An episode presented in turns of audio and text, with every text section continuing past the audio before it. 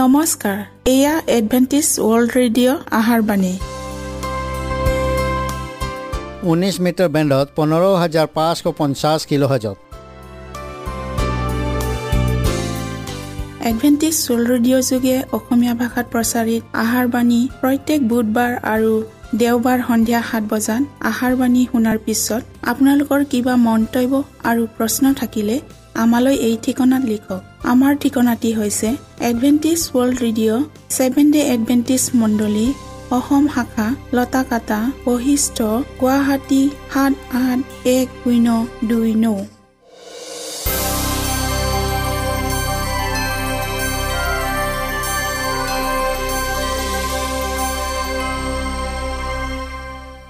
প্ৰিয় শ্ৰোতা বন্ধুসকল এতিয়া শুনো আহক এটি খ্ৰীষ্টীয় ধৰ্মীয় গীত।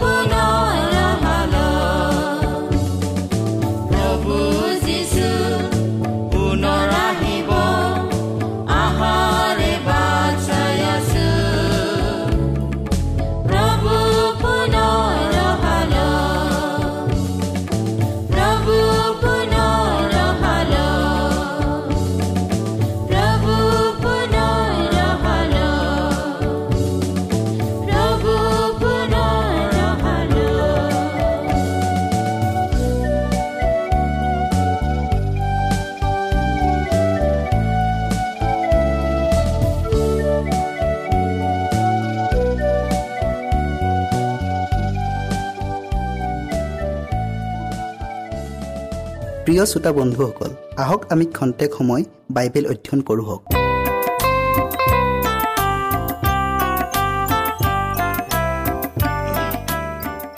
প্ৰিয় শ্ৰোতাসকল নমস্কাৰ। এই বছৰো অপেক্ষা কৰক। এই দৃষ্টান্তৰ বিষয়ে আজি আমি অধ্যয়ন কৰোঁ হওক। শাস্ত্ৰ পদ লৈছে লোক তেৰ অধ্যায়ৰ এক পদৰ পৰা নৌ পদলৈকে। আমি প্ৰাৰ্থনা কৰোঁ হওক। সেই সৰ্বশক্তিমান ঈশ্বৰ যে হোৱা ধন্যবাদ প্ৰভু তোমাৰ আশীৰ্বাদ আৰু অনুগ্ৰহৰ বাবে। প্ৰভু আমি আজি এই বছৰো অপেক্ষা কৰক এই দৃষ্টান্তৰ বিষয়ে অধ্যয়ন কৰিবলৈ আগবঢ়াইছোঁ। প্ৰভু তুমি আমাৰ সংগে সংগে থাকা আৰু পবিত্ৰ আত্মাৰ যোগেদি তুমি প্ৰত্যেক শ্ৰোতাক আগুৱাই নিয়া যীশুৰ নামত খুজিলোঁ। আমেন। খ্ৰীষ্টই মানুহবিলাকক আহি থকা স্বৰ্গৰাজ্যৰ বিষয়ে সতৰ্কবাণী শুনোৱাইছিল আৰু তেওঁলোকৰ অজ্ঞতা আৰু অমনোযোগিতাক যথা সময়ত দবিয়াইছিল। তেওঁলোকে আকাশলৈ চাই তৎক্ষণাত বতৰৰ আগলি বতৰা দিব পাৰিছিল। কিন্তু ইমান স্পষ্টকৈ সময়ৰ চিন তেওঁৰ পৰিচৰ্যালৈ আঙুলিয়াই দিয়া স্বত্তেও ইয়াৰ পাৰ্থক্য বুজিব নোৱাৰিলে। তাহানি যুগৰ মানুহবিলাকৰ দৰে বৰ্তমান যুগৰ মানুহবিলাকেও সিদ্ধান্তত উপনীত হৈ কয় যে তেওঁলোক ঈশ্বৰৰ প্ৰিয় পাত্ৰ এতেকে সেই তিৰস্কাৰৰ বাণী আনৰ প্ৰতিহে। শ্ৰোতাবিলাকে যীচুক এটা ঘটনা অৱগত কৰিলে যিহে তেওঁলোকৰ মন অস্থিৰ কৰিছিল। যিহুদিয়াৰ শাসনকৰ্তা পন্থীয় পিলাতক কিছুমানে মানুহে দোষী কৰিলে যে সচৰাচৰ হুলস্থুলুচ হোৱাৰ দৰে জেৰুচালেমত হুলস্থুলুচ পৰিৱেশৰ সৃষ্টি হৈছিল যিটো পিলাতে বলপূৰ্বক নীতিৰে দমন কৰিব খুজিছিল। কিবা কাৰণত তেওঁৰ সৈন্যই মন্দিৰ প্ৰৱেশৰ সীমাৰেখা অতিক্ৰম কৰি কেইজনমান গালিল দেশৰ তীৰ্থযাত্ৰীক চিৰচেট কৰি বলি উৎসৰ্গ কৰিলে। যিহুদীবিলাকে দুৰ্ভগীয়াবিলাকৰ প্ৰতি পাপৰ পৰিণাম স্বৰূপে ঈশ্বৰৰ বিচাৰ দণ্ড নামি আহিল আৰু যিবিলাকে এই বিষয়ে অভিযোগ কৰিছিল তেওঁলোকে নিজকে সৎ বুলি সন্তোষ লভিছিল। তেওঁলোকে নিজৰ বিবেচনা মতে আন মানুহবিলাকতকৈ অতি ভাগ্যৱান আৰু ঈশ্বৰৰ দয়া পোৱা লোক। আনকি এই গালিলিয়াবিলাকতকৈ মৰ্যাদা সম্পন্ন লোক বুলি গৰ্ব কৰিছিল। তেওঁলোকে নিশ্চয়কৈ ভাবি লৈছিল যে তেওঁলোকৰ কথা শুনি যীশুৱে সেইবিলাকক দোষী সাব্যস্ত কৰি চৰম শাস্তি পোৱাটো ন্যায়সংগত বুলি ক'ব। কৃষ্টৰ শিষ্যবিলাকে গুৰুৰ মতামত নুশুনালৈকে নিজ নিজ মত প্ৰকাশ কৰিবলৈ সাহস কৰা নাছিল। আন মানুহৰ দোষ কুচৰি জগৰীয়া কৰা আৰু সীমিত জ্ঞানেৰে দোষী সাব্যস্ত কৰি শাস্তিৰ বিধানৰ বিষয়ে কৃষ্টই তেওঁলোকক তীক্ষণভাৱে শিক্ষা দিছিল। তৎসত্বেও তেওঁলোকে কৃষ্টই যাতে সেইবিলাক আন মানুহবিলাকতকৈ অধিক পাপী বুলি প্ৰকাশ্যে নিন্দা কৰিব তালৈ বাট চাই আছিল। কিন্তু মানুহবিলাকে তেওঁৰ দৃঢ় মত শুনি অতি আচৰিত হ'ল। প্ৰিয় শ্ৰোতাসকল ত্ৰাণকৰ্তাজনাই এতিয়া লোকসমূহৰ ফালে চাই ক'লে সেই গালিলীয়া লোকে সেই দুখ ভোগ কৰা হেতুকে তেওঁলোক আটাই গালিলীয়াবিলাকতকৈ পাপী বুলি ভাবিছানে? মই তোমালোকক কওঁ তেনে নহয়। কিন্তু মন নাপালোতালে তোমালোকে সকলো সেইদৰে বিনষ্ট হ'বা। এই আকস্মিক দুৰ্ঘটনা এইকাৰণে সংঘটিত হৈছিল যাতে তেওঁলোকে ইয়াৰ পৰা শিক্ষা পাই নিজকে নম্ৰ কৰি নিজ নিজ হৃদয়ৰ পাপবোৰৰ কাৰণে যেন অনুশোচনা কৰে। প্ৰতিহিংসাৰ ধুমুহা বব ধৰিছে। যিবিলাকে কৃষ্টত আশ্ৰয় লোৱা নাই তেনে লোকবিলাক নিমিষতে ধ্বংসপ্ৰাপ্ত হ'ব। যীশুৱে তেওঁৰ শিষ্যবিলাক আৰু লোকসমূহৰ সৈতে কথা বতৰা হৈ থাকোঁতে ভাৱবাণীৰ দৃষ্টিপাতেৰে জেৰুচালেমক সৈন্যৰে অৱৰোধ কৰা দেখিলে।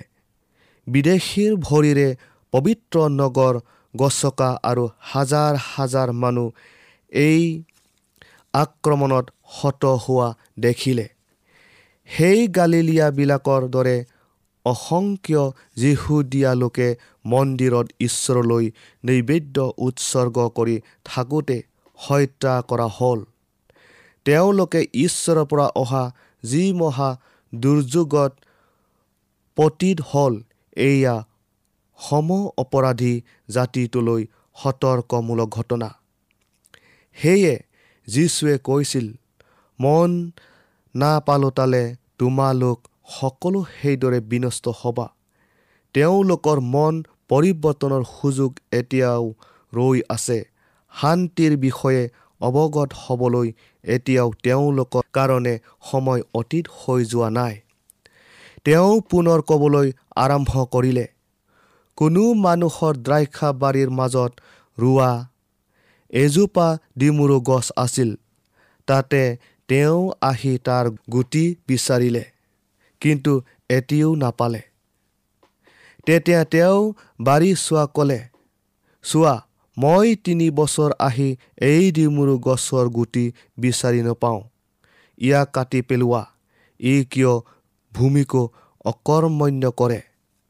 প্ৰিয় শ্ৰোতাসকল কৃষ্টই প্ৰয়োগ কৰা কথাবোৰ তেওঁৰ শ্ৰোতাবিলাকে ভুল বুজাকৈ থকা নাছিল। মিছৰ দেশৰ পৰা উলিয়াই অনা ইজৰাইলক দ্ৰাক্ষালতাৰ সৈতে তুলনা কৰি ডায়ুদে গীত গান কৰিছিল। যিচয়া ভাৱবাদীয়েও ইজৰাইলৰ বিষয়ে এইদৰে লিখিছে কিয়নো ইজৰাইল বংশই বাহিনীবিলাকৰ যি খোৱা দ্ৰাক্ষা বাৰী আৰু যিহুদাৰ লোকবিলাকেই তেওঁৰ এক মনোৰম পুলি।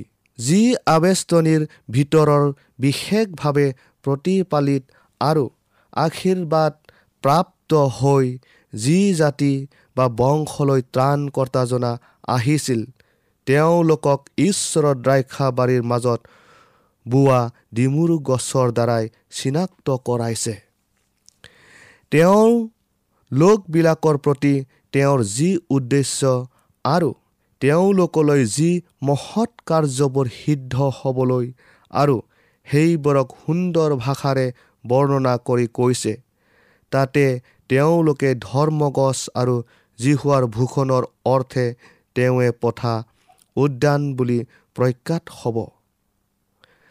জাকুবেও অন্তিম সময়ত অনুপ্ৰাণিত আত্মাৰে তেওঁৰ অতি প্ৰিয় পুত্ৰৰ বিষয়ে কৈছে জোচেফ ফলবান গছৰ ডাল ভুমুকৰ ওচৰত থকা লাগনি গছৰ ডাল।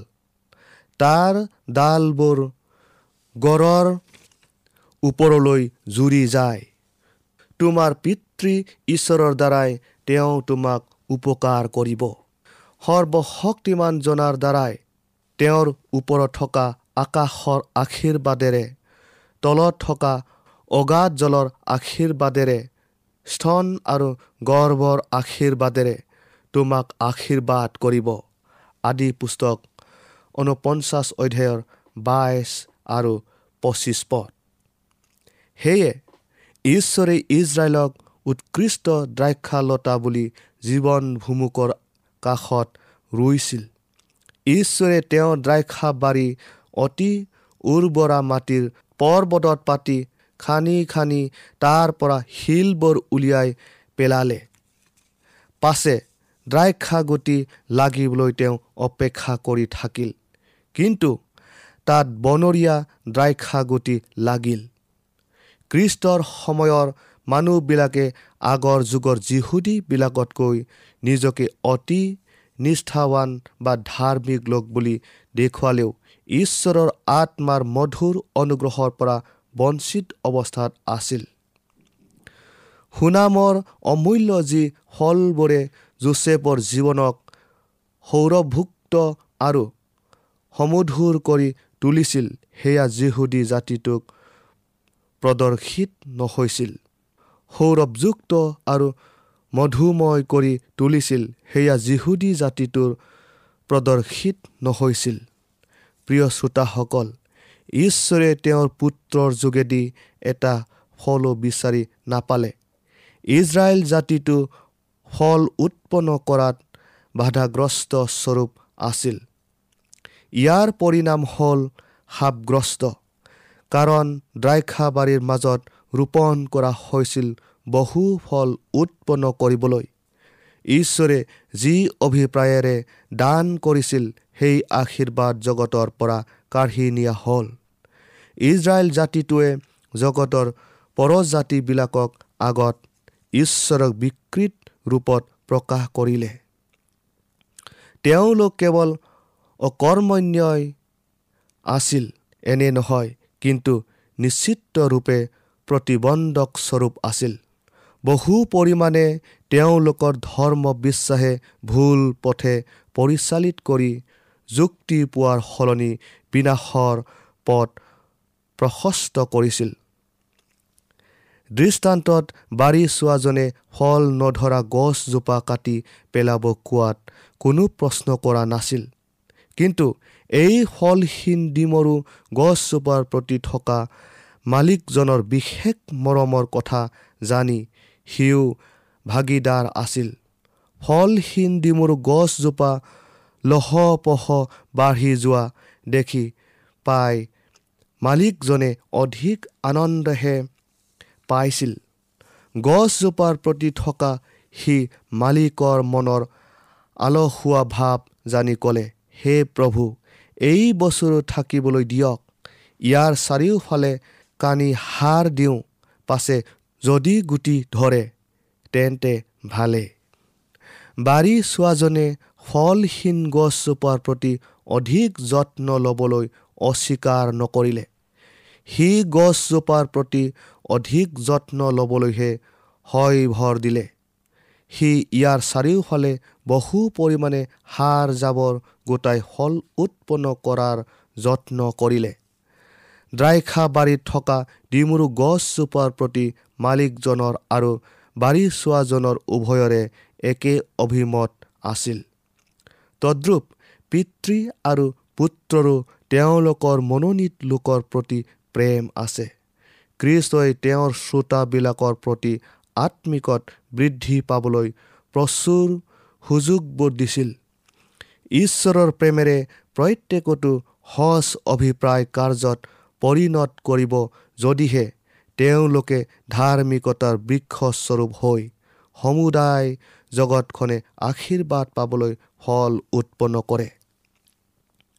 বাৰী চোৱাৰ কাৰ্যৰ ফলাফল কি হ'ল যীশুৱে তেওঁৰ দৃষ্টান্তত একো উল্লেখ কৰা নাই। সেয়ে এইখিনিতে তেওঁৰ কাহিনীত অন্ত পৰিল। তেওঁৰ বাক্য শুনা সেই যুগৰ লোকবিলাকৰ ওপৰত ইয়াৰ সিদ্ধান্তৰ ভাৰ এৰি দিয়া হ'ল। তেওঁলোকৰ প্ৰতি এই গুৰুত্বপূৰ্ণ সতৰ্ক সূচকবাণী কৰা হৈছিল। নহ'লে ইয়াক কটাই পেলোৱাব।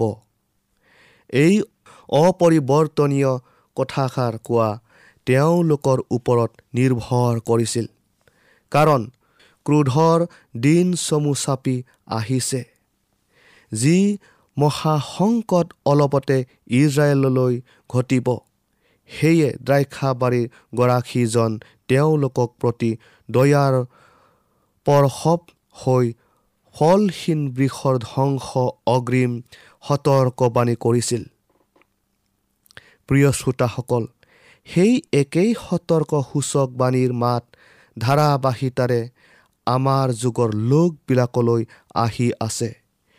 ঈশ্বৰৰ দ্ৰাক্ষাবাৰীৰ মাজৰ গজা হেৰা অমনোযোগী হৃদয়ৰ ফলহীন বৃক্ষলোক শেষ সোধ বিচাৰৰ কথা আপোনাক পুনৰাই সোঁৱৰাব লাগেনে? আপুনি তেওঁৰ বৰবোৰ কিমান দিনৰ পৰা পাই আছে? প্ৰতি প্ৰেম পাবলৈ তেওঁ কিমান কাল পৰ দি অপেক্ষা কৰি আছে? বাৰী চোৱাৰ বিশেষ যত্নত ঈশ্বৰৰ দ্ৰাক্ষা বাৰীত গজি আপুনি কি অধিকাৰ প্ৰাপ্ত হৈছে? মৃদু সুবাৰ্তাৰ বাণীয়ে কিমানবাৰ আপোনাৰ হৃদয়ত শিহৰণ জগাইছে বাহিক ৰূপেৰে তেওঁৰ শৰীৰ যি ঈশ্বৰৰ মণ্ডলীৰ বিশ্বাসী হৈ কৃষ্টৰ নাম আপুনি উচ্চাৰণ কৰিছে তৎসত্বেও মহান জনাৰ প্ৰেমৰ সৈতে সম্বন্ধ ৰখাৰ বাবে আপুনি সজাগ নহয়। কিয়নো তেওঁৰ জীৱন যোৱাৰ আপোনাৰ যোগেদি প্ৰৱাহিত হোৱা নাই। তেওঁৰ মহা অনুগ্ৰহৰ লক্ষণ অৰ্থাৎ আত্মাৰ ফলবোৰ আপোনাৰ জীৱনত উৎপন্ন হোৱা নাই। প্ৰিয় শ্ৰোতাসকল ফলহীন গছজোপাৰ ৰদ গছজোপাই ৰদ সূৰ্যৰ পোহৰ পোৱাৰ উপৰিও বাৰী চোৱাৰ বিশেষ যত্ন পাইছিল। আৰু ভূমিৰ পৰা পৰিপুষ্টি আহাৰ আহৰণ কৰিছিল। কিন্তু ইয়াৰ ফলহীন ডালবিলাকে মাটিক চাৰে অন্ধকাৰ কৰি ফল উৎপন্ন কৰা আন গছবোৰক ইয়াৰ চাৰে গজিব দিয়া নাছিল। সেয়েহে আপোনাৰ প্ৰতি বৰষুৱা ঈশ্বৰৰ বৰ জগতৰ আগত নিষ্ফল হ'ল। কিয়নো আপুনি তেওঁলোকৰ বিশেষ অধিকাৰ বলেৰে কাঢ়ি নিছে। যদি আপুনি নিজকে সামান্যভাৱে হ'লেও ভূমিৰ অনিষ্টকাৰী বুলি বুজিব পাৰিছে তথাপি ঈশ্বৰে তেওঁৰ মহাদয়া আৰু অনুগ্ৰহেৰে এতিয়াও আপোনাক প্ৰেম কৰে। এতিয়াও তেওঁ আপোনাক নিৰুৎসাহ নকৰে নাইবা উদাসীনতাৰে আপোনাক ধ্বংসৰ পথলৈ ঠেলি নপঠায়। তেওঁ অতি বিষণ্ন মনেৰে আপোনালৈ দৃষ্টি কৰি ক্ৰদন কৰে যিদৰে বহু শতাব্দীৰ পূৰ্বে ইজৰাইলৰ প্ৰতি ক্ৰদন কৰিছিল। সেই ইফ্ৰেইম মই তোমাক কেনেকৈ ত্যাগ কৰিম? সেই ইজৰাইল মই কেনেকৈ তোমাক সোধাই দিম? মোৰ প্ৰচণ্ড ক্ৰোধ মই সিদ্ধ নকৰিম। মই ইফ্ৰেইমক আকৌ বিনষ্ট নকৰিম কিয়নো মই ঈশ্বৰ মানুহ নহয়। দয়ালু ত্ৰাণকৰ্তা জনাই ব্যগ্ৰতাৰে আপোনাৰ বিষয়ে কয় এই বছৰো থাকিবলৈ দিয়ক। ইয়াৰ চাৰিওফালে কানি সাৰ দি যত্ন লওঁ। প্ৰিয় শ্ৰোতাসকল আজি আমি ইয়াতে সামৰিলোঁ। ইয়াৰ বাকী অংশ পৰৱৰ্তী অনুষ্ঠানত আপোনালোকে শুনো হওক ঈশ্বৰে আপোনালোকক আশীৰ্বাদ কৰক।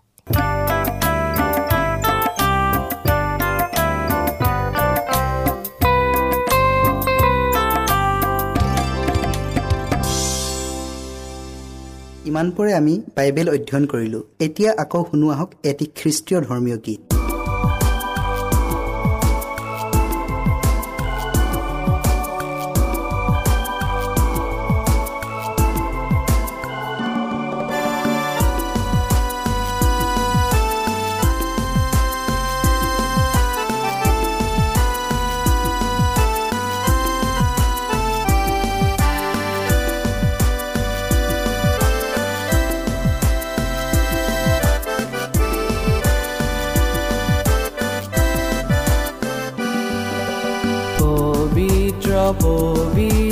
পবিত্ৰ এই বৰদিন পবিত্ৰ পবিত্ৰ এই বৰদিন প্ৰভু যীশু ৰাজি জন্মৰ দিন।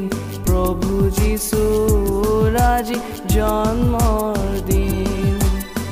ভাই ভনী সকলোৱে মিলি গীত গাওঁ। ভাই ভনী সকলোৱে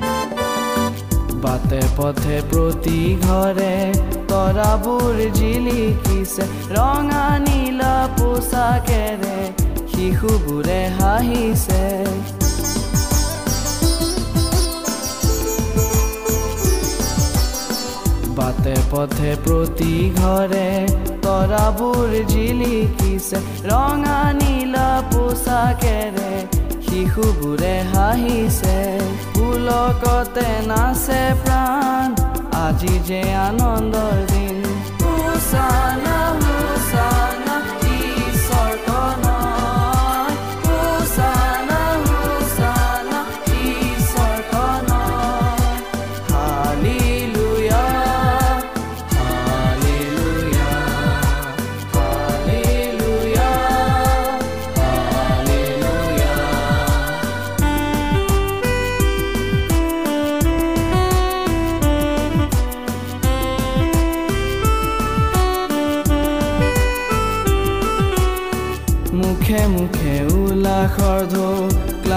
অৱসান প্ৰীতিৰ লগ বৰষে প্ৰেমৰ আলিংগন